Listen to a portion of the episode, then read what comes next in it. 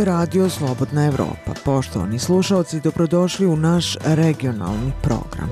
U narednih pola sata sa vama će biti Svjetlana Petrović i Asja Hafner. Poslušajte prvo vijesti dana.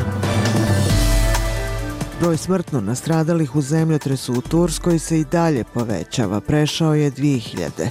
Evropska unija mobilisala timove za potragu i spasavanje za Tursku nakon zahtjeva ove zemlje da se aktivira mehanizam civilne zaštite.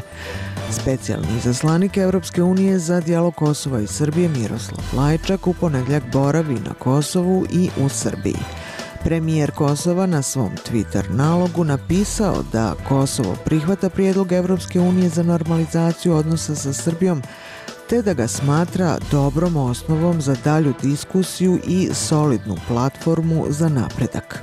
Iznesene završne riječi u postupku po tužbi za klevetu Milorada Dodika protiv Davora Dragičevića i Milana Ćulibrka iz Beogradskog Nina. Presuda se očekuje u roku od mjesec dana.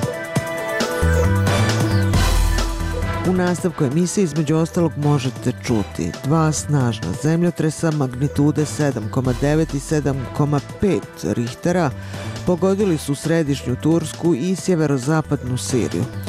Usmrtivši na stotine ljudi, turski ministar unutrašnjih poslova Sulejman Soylu. Etkilenen vilayetler Jutros u 4 sata i 17 minuta Tursku je pogodio zemljotres jačine 7,4 stepena Richterove skale To je razoran zemljotres i ima stotine žrtava. Naš primarni posao je obavljanje potrage i spašavanja i za to su svi naši timovi u stanju pripravnosti. Frontex pomaže Crne Gori za sada samo na granici sa državama Evropske unije, Hrvatskom i Italijom u kriznim situacijama koje se odnose na pojačani priliv migranata.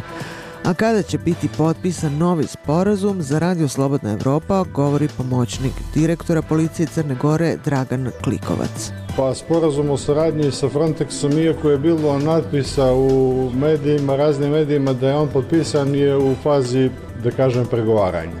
Za kraj čućete i kako živi Milojica Veličković, jedini stanovnik prekog brda u snježnoj mećavi na Goliji. Minus 17. Od snega ima jednu metar i po i desu ima i po 3-4 metra, možda i 5. Živim, nemam struju, odbili su me, za mene jednog nisu mogli da dovedu. Slušate radio Slobodna Evropa. Dva snažna zemljotresa u razmaku od nekoliko sati pogodila su centralnu Tursku i sjeverozapadnu Siriju, a prema dosadašnjim podacima više od 2000 ljudi je nastradalo. Prema informacijama iz Generalnog konzulata Bosne i Hercegovine u Istanbulu, jedan BH državljanin se nalazi pod ruševinama zgrade u gradu Malaciju. Prvi zemljotres se desio u ranim jutarnjim satima od 7,9 stepeni po Richteru, drugi tokom ranog popodneva. Bio je jačine 7,5. Više poslušajte Anetu Durović. Turska je proglasila vanredno stanje nakon što je novi snažan zemljotres jačine 7,5 stepeni Richterove skale pogodio tu zemlju i sjeverozapadnu Siriju. U prethodnom snažnom zemljotresu koji je jutros pogodio tu oblast, poginulo je više od 2300 ljudi. Predsjednik Turske, Recep Tayyip Erdogan, kazao je da je ovo najveća katastrofa u zemlji od 1939. godine. U toku su potrage za preživjelim, zarobljenim u ruševinama. Vlasti su poslale spasilačke timove, a proglašen je alarm četvrtog stepena, koji zahtjeva međunarodnu pomoć. Zemljotres je trajao oko minut i razbio je prozore, rekao je Reutersov svjedok. Televizijske kuće, TRT i Habertruk prikazale su snimke ljudi kako razmiču ruševine zgrada, donose nosila i traže preživjele. Turski ministar unutrašnjih poslova Sulejman vilayetler Jutros u 4 sata i 17 minuta Tursku je pogodio zemljotres jačine 7,4 stepena Richterove skale. To je razoran zemljotres i ima stotine žrtava. Naš primarni posao je obavljanje potrage i spašavanja i za to su svi naši timovi u stanju pripravnosti.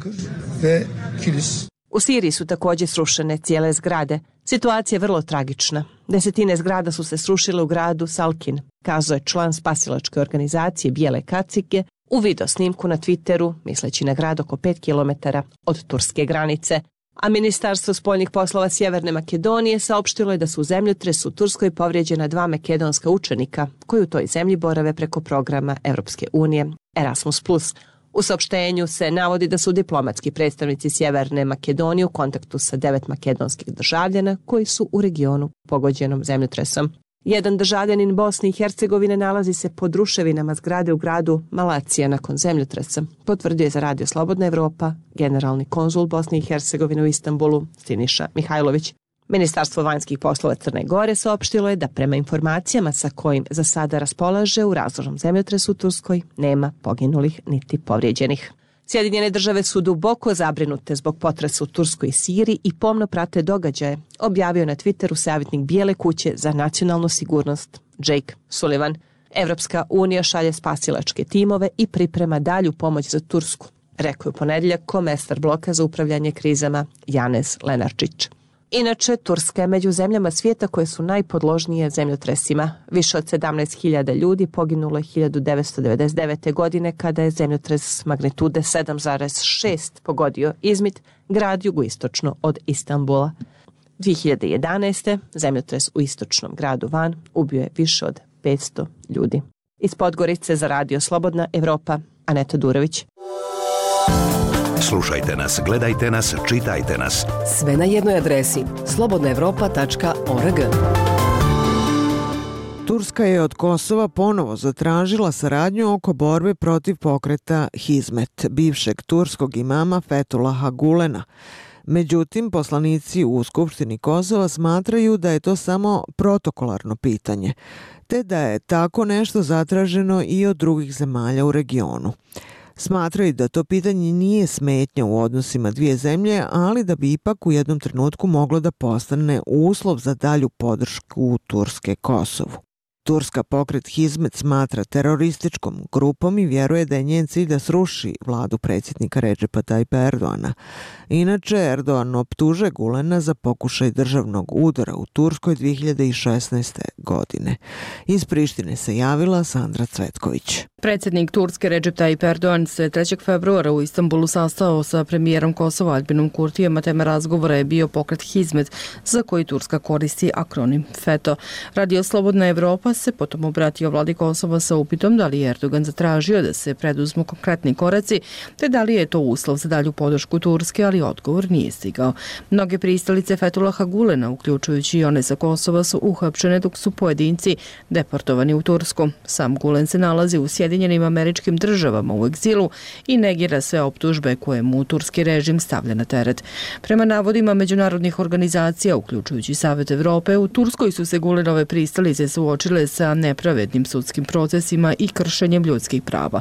Enver Dugoli, poslanik iz redova vladajućeg pokreta samoopredeljenje, u izjavi za RSE kaže da zahtev Turske u vezi gulenista, kako se još nazivaju pristalice pokreta Hizmet, nije postavljen kao uslov koji bi definisao odnos dveju strana. Dugoli kaže da je Kosovo pravna zemlja te da ne diskriminiše određene grupe i poslanik opozicione demokratske partije Kosova Džavid Haljiti kaže da zahtjev turskog predsjednika Erdogana oko gulenista nije novina, te da on nije upućen samo Kosovu. Međutim, ocenjuje da je sada na premijeru Kosova Kurtiju da odluči koliko će se ozbiljno odnositi prema tom zahtevu. Bivši kosovski diplomata Ljudzim Peci pak smatra da vlada Kosova treba da odgovori na zahtev Turske na osnovu međunarodnih normi za deportaciju. Kosova duti përcjellte gjitha normat. Kosovo mora da poštuje sve pravne norme koje su na snazi u zemlji i također sve međunarodne konvencije u vezi sa tim pitanjem. Kosovo ne može da pogreši. Uveren sam da teško može da se oklizne i pogreši, jer ako napravi takvu grešku, onda će nam biti zatvorena perspektiva za članstvo u Savet Evrope, ocenjuje Peci. Sagovornici Radija Slobodna Evropa podsjećaju na dešavanja iz 2018. godine kada su kosovske vlasti u tajnoj operaciji uhapsile i deportovale šest turskih državljana. Umeđu vremenu je juna 2022. ministar spoljnih poslova Turske Mevljud Čavušoglu ocenio da je postojanje fetoa na Kosovu najveća prepreka u odnosima dveju strana. Ipak poslanik Enver Dugoli smatra da se odnosi Kosova i Turske neće pogoršati ni u slučaju da vlada ne ispuni Erdoganov zahtev. Ne, verujem da su odnose između Kosova i Turske mnogo dublji i mnogo stabilniji. Ni u jednom trenutku neće uticati na odnose. Takav zahtev jer on nije isključivo i eksplicitno upućen samo Kosovu, kaže Dugoli. Poslanik Džavid Haljit ipak smatra da vlada Kosova u ovom slučaju treba da prati principe zapadnih zemalja. Kosovo ima obaveze prema Zapadu. Stavovi treba da budu isti kao i u drugim zemljama NATO-a i zapadnim zemljama, kaže on. Međutim, Peci smatra da će zahtev u vezi pokreta Hizmet, koji je Erdogan postavio Kurtiju, ipak biti uslov za dalju pomoć Turske Kosovu. Za radio Slobodna Evropa iz Prištine, Sandra Cvetković i Bekim Bislimi. Moskva je prije tri dana odobrila Srbiji da ruske kredite od skoro milijardu eura otplaćuje u rubljama. Kako prenosi Dušan Komarčević, u pitanju su pozajmice za izgradnju željezničke infrastrukture. Milan Nedeljković, profesor na Privatnom fakultetu za ekonomiju, financije i administraciju u Beogradu i dugogodišnji konsultant Svetske banke, ocenjuje za Radio Slobodna Evropa da se za Srbiju ne menja mnogo toga ukoliko prihvati da ruske kredite isplaćuje u rubljama. Prema njegovim rečima, potencijalni problem bi mogao biti to što rublje u Srbiji nisu lako dostupne. Rublje u ovom trenutku u Srbiji nisu tako lako dostupne, tako da prelazak iz eura u rublje podrazvjerojatno podrazumeva potrebu da se to uradi preko odgovarajuće korespondentske banke, odnosno da se kupe rublje uh, i verovatno zamene za eure, pošto tako je navedeno u u e, sporazumu koji ostavlja mogućnost da se u celokupan transakciju mogu uključiti i eksterni faktori, odnosno odgovarajuće korespondentske banke. Tako da to podrazumeva samo malo dodatnih transfernih troškova, to nije neki veliki zatak, ali dakle mogu se javiti još neki dodatni transferni troškovi pretvaranja eura u, u rublje. Ruska državna agencija RIA Novosti objavila je 3. februara da je premijer Ruske federacije Mihajl Mušustin odobrio Srbiji da otplaćuje ruske kredite u rubljama. Kako se navodi, Mušustin je naložio potpisivanje međunarodnog sporazuma u vezi sa odobrenjem da Srbija otplati kredite u rubljama. Srpska strana može vršiti plaćanja u skladu sa ugovorima u ruskim rubljama, stečenim po potrebi u valuti drugih stranih država. Navodi se u dokumentu objavljenom na zvaničnom portalu pravnih informacija Ruske federacije.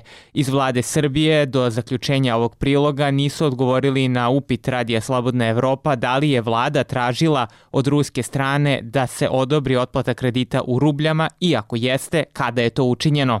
U poslednjih deset godina Srbija je od Ruske federacije uzela dva zajma u okviru projekta izgradnje železnice u Srbiji. Prvi sporazum o kreditu potpisan je 2013. godine, a iznos ovog kredita je 800 miliona dolara, oko 709 miliona evra. Oktobra 2019. su srpska i ruska delegacija u Beogradu potpisale sporazum o novom kreditu vrednom 172,5 miliona evra za projektovanje i izgradnju železničke infrastrukture. Kamata pod kojom Srbija isplaćuje ovaj kredit je 2% na godišnjem nivou.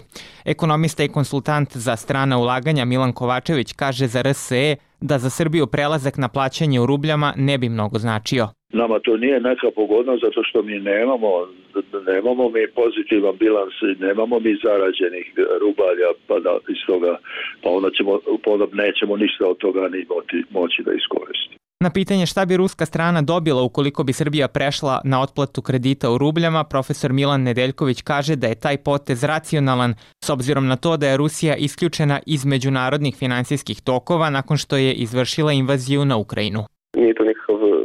Stav sa strane Ruske federacije. Oni su sada u situaciji da, da su isključeni sa međunarodnih finanskih tržišta, tako da je onda sasvim racionalna mogućnost njihova da, odnosno potreba da se da sve transakcije koje imaju međunarodne prebace ukoliko je to moguće na rublje. Milan Kovačević smatra da Rusija na ovaj način očekuje da Srbija uđe u krug zemalja koje prihvataju rublju kao rezervnu valutu u međunarodnoj trgovini. Onda bi mi bili neko ko u najmanju ruku doprinosi su, ili bar simpatiše tu njihovu ideju da se rublje koriste u, u, u trgovini. Da li bi to moglo imati negativne političke implikacije po Srbiju? Prema rečima Milana Nedeljkovića, ne bi. Zato što već imamo situacije da i druge evropske zemlje a, prilikom kupovine gasa i nafte plaćaju, odnosno gasa pre svega više ne nafte, o, plaćaju rubljima, tako da taj negativan efekat ne bi trebao da bude ove, ove, veliki, s tim što naravno u ovim usrećnim vremenima svaki, svaki negativan signal ove, za, za zapadne financijske tokove nije, nije nešto što je poželjno u ovom trenutku. Nakon što je Zapad uveo sankcije Rusiji zbog njene invazije na Ukrajinu, Kremlj je u aprilu 2022. doneo dekret prema kojem zapadne zemlje moraju da ruski prirodni gas plaćaju u rubljama. Srbija je jedna od dve države kandidata za članstvo u Evropskoj uniji koja nije uvela sankcije Rusiji nakon agresije na Ukrajinu. Pored Srbije, to nije učinila ni Turska. Iz Beograda za Radio Slobodna Evropa, Dušan Komarčević. Ovo je regionalni program Radija Slobodna Evropa. Slušajte nas svaki dan u 18 i 22 sata. Očekuje se početak pregovora između Crne Gore i Evropske agencije za graničnu i obalsku stražu Frontex, na osnovu kojih treba da bude potpisan sporazum prema kojem će Frontex proširiti svoje operativne aktivnosti na svim granicama Crne Gore. Do sada je Frontex pomagao samo na granici prema Evropskoj uniji, odnosno prema Hrvatskoj i Italiji. Inače, u Crnoj Gori je zabilježen povećan broj migracionih kretanja sa Bliskog istoka prema zemljama Evropske unije. Iz Podgorice se javio Srđan Janković. Vlada je krajem januara usvojila osnovu predloga novog sporazuma kojeg Crna Gora treba da zaključi sa Frontexom, a kojim će njihove nadležnosti proširiti na kompletnu granicu Crne Gore. Neizvjesno je kada će se to dogoditi jer za pregovore ne postoji vremenski rok, saopšteno je Radio Slobodna Evropa u Evropskoj komisiji i Ministarstvu unutrašnjih poslova Crne Gore.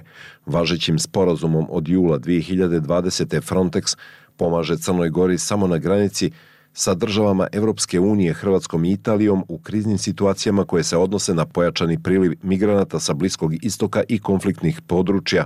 Prema novom sporazumu između Crne Gore i Evropske unije o operativnim aktivnostima, Frontex će proširiti svoju nadležnost i na granice prema Albaniji, Kosovu, Srbiji i Bosni i Hercegovini. U Crnoj Gori je u 2022. godini registrovano rekordnih 8,5 hiljada migranata, što je 150 od 100 više nego godinu prije, kazao je za Radio Slobodna Evropa pomoćnik direktora uprave policije Dragan Klikovac. E, ukoliko uzmemo da je jedna trećina ukupnog broja migranata koji dolaze u zemlje Evropske unije putovala zapadno-balkanskom rutom, sasvim je jasno koji je to obim, da kažem, ljudi, koji je to, koji je to broj ljudi i koliki i o kakvim, se, o kakvim se organizacijama radi.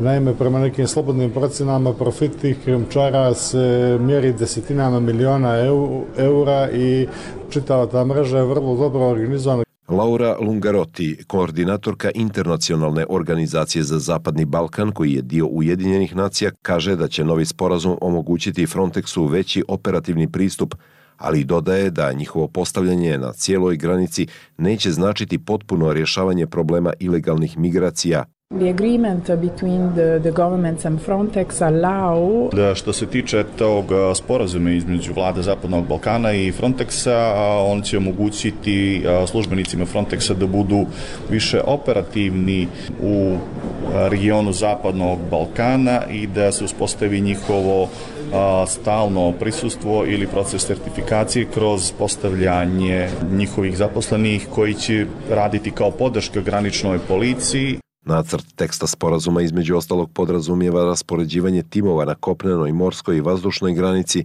a da se operativne aktivnosti mogu odvijati i u zoni crnogorskog susjedstva. Uz to pregovori o budućem angažmanu Frontexa u Crnoj Gori podrazumijevaju opseg operacija, građansku i krivičnu odgovornost članova tima, pitanja privilegija i imuniteta, zadataka i nadležnosti timova, kao i usklađenost sa temeljnim pravima – Članovi tima mogu obavljati zadatke, uključujući i upotrebu sile samo na osnovu instrukcija i u prisustvu crnogorskih organa za upravljanje granicama. Kada je riječ o privilegijama Frontexa, predviđeno je da su svi objekti izuzeti od pretresa, da je sva imovina nepovrediva, te je Frontex oslobođen svih carina poreza kao i svih ograničenja na uvoz i izvoz predmeta namjenjenih službenoj upotrebi.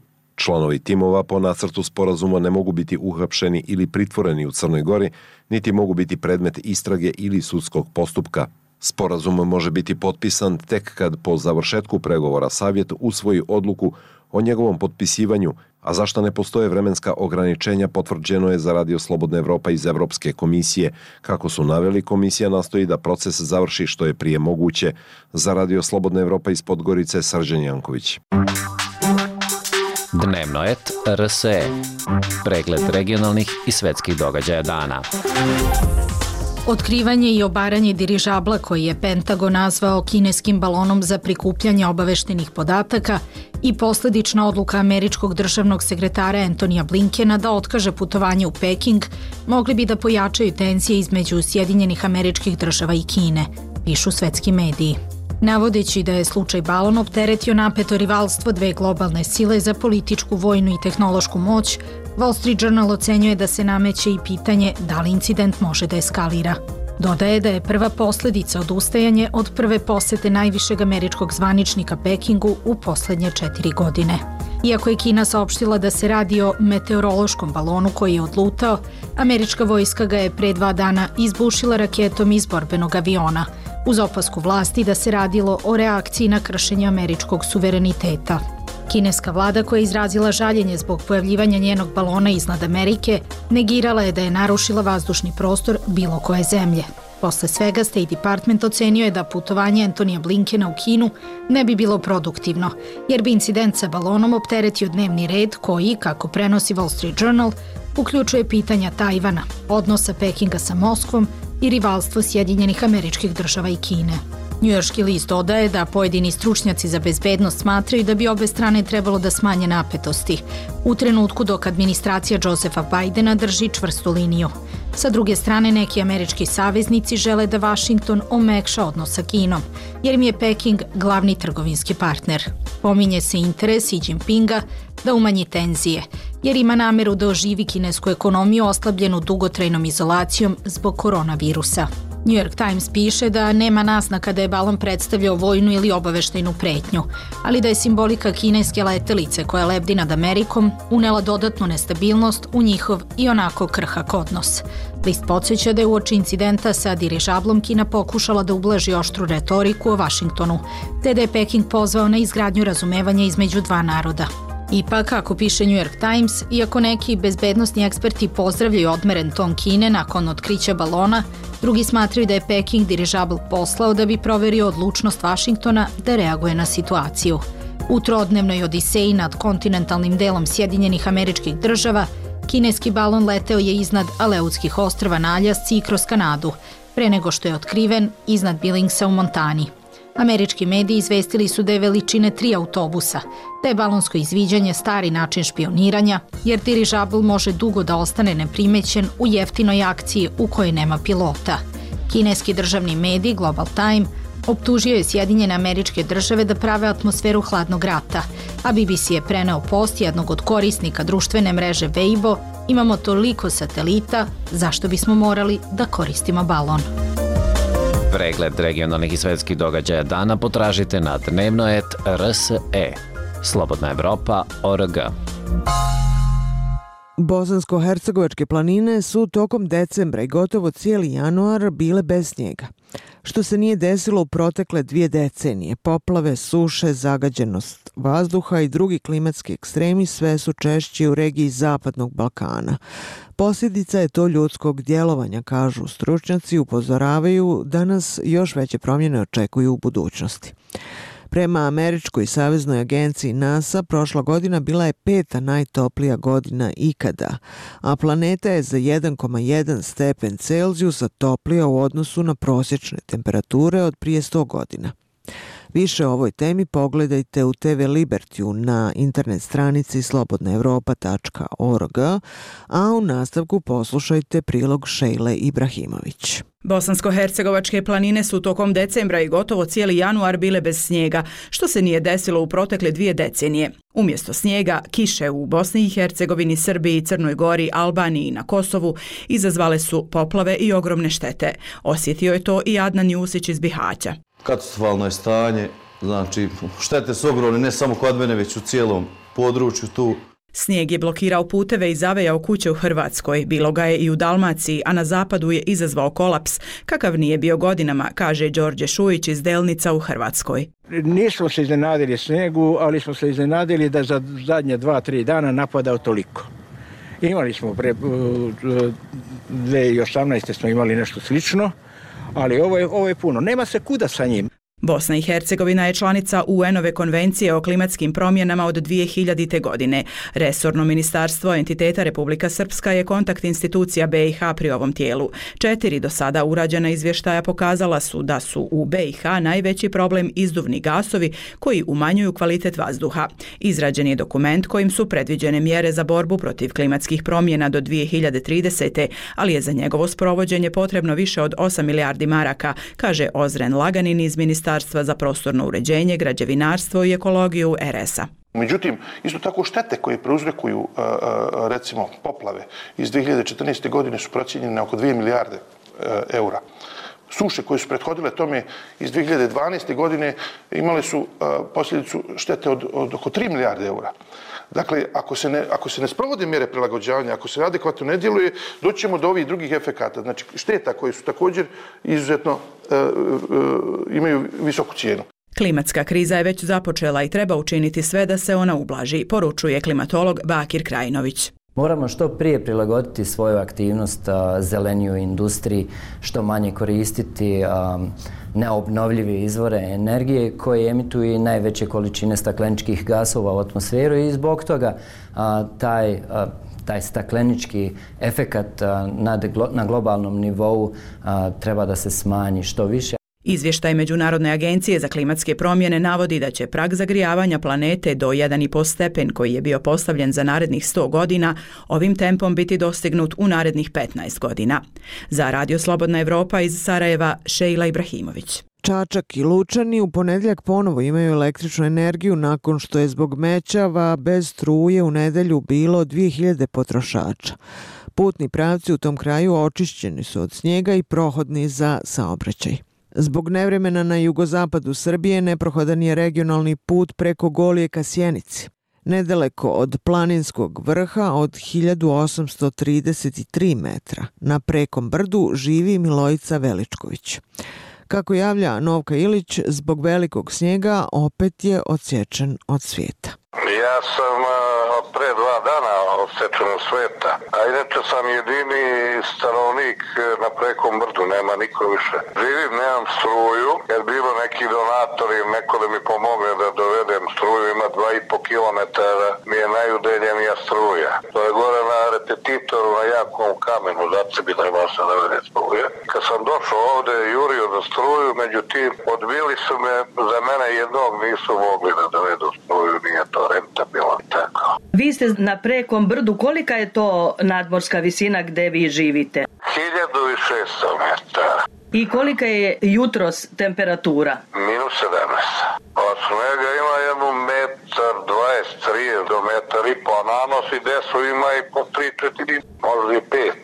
A oni će očistiti za ova dva, tri dana će očistiti najvjerovatnije.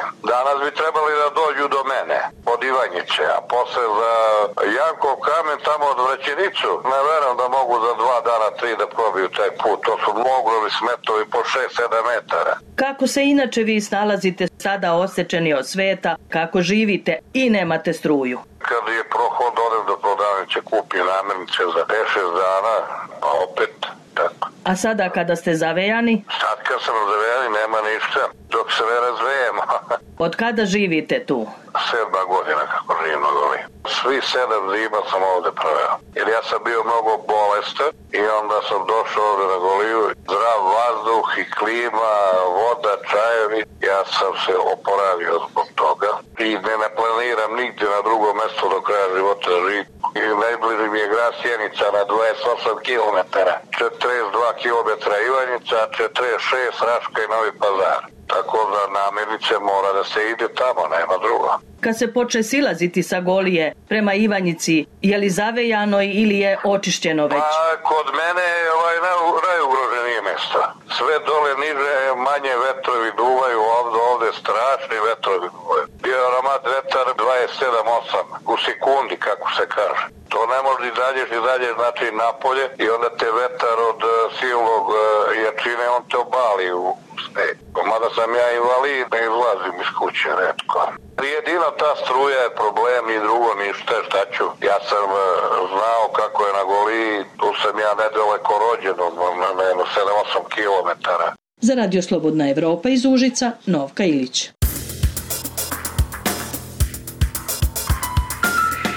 Bilo je to sve u regionalnom programu Radija Slobodna Evropa. Iz Praga vas pozdravljaju Svjetlana Petrović i Asja Hafner. Prijatno i do slušanja.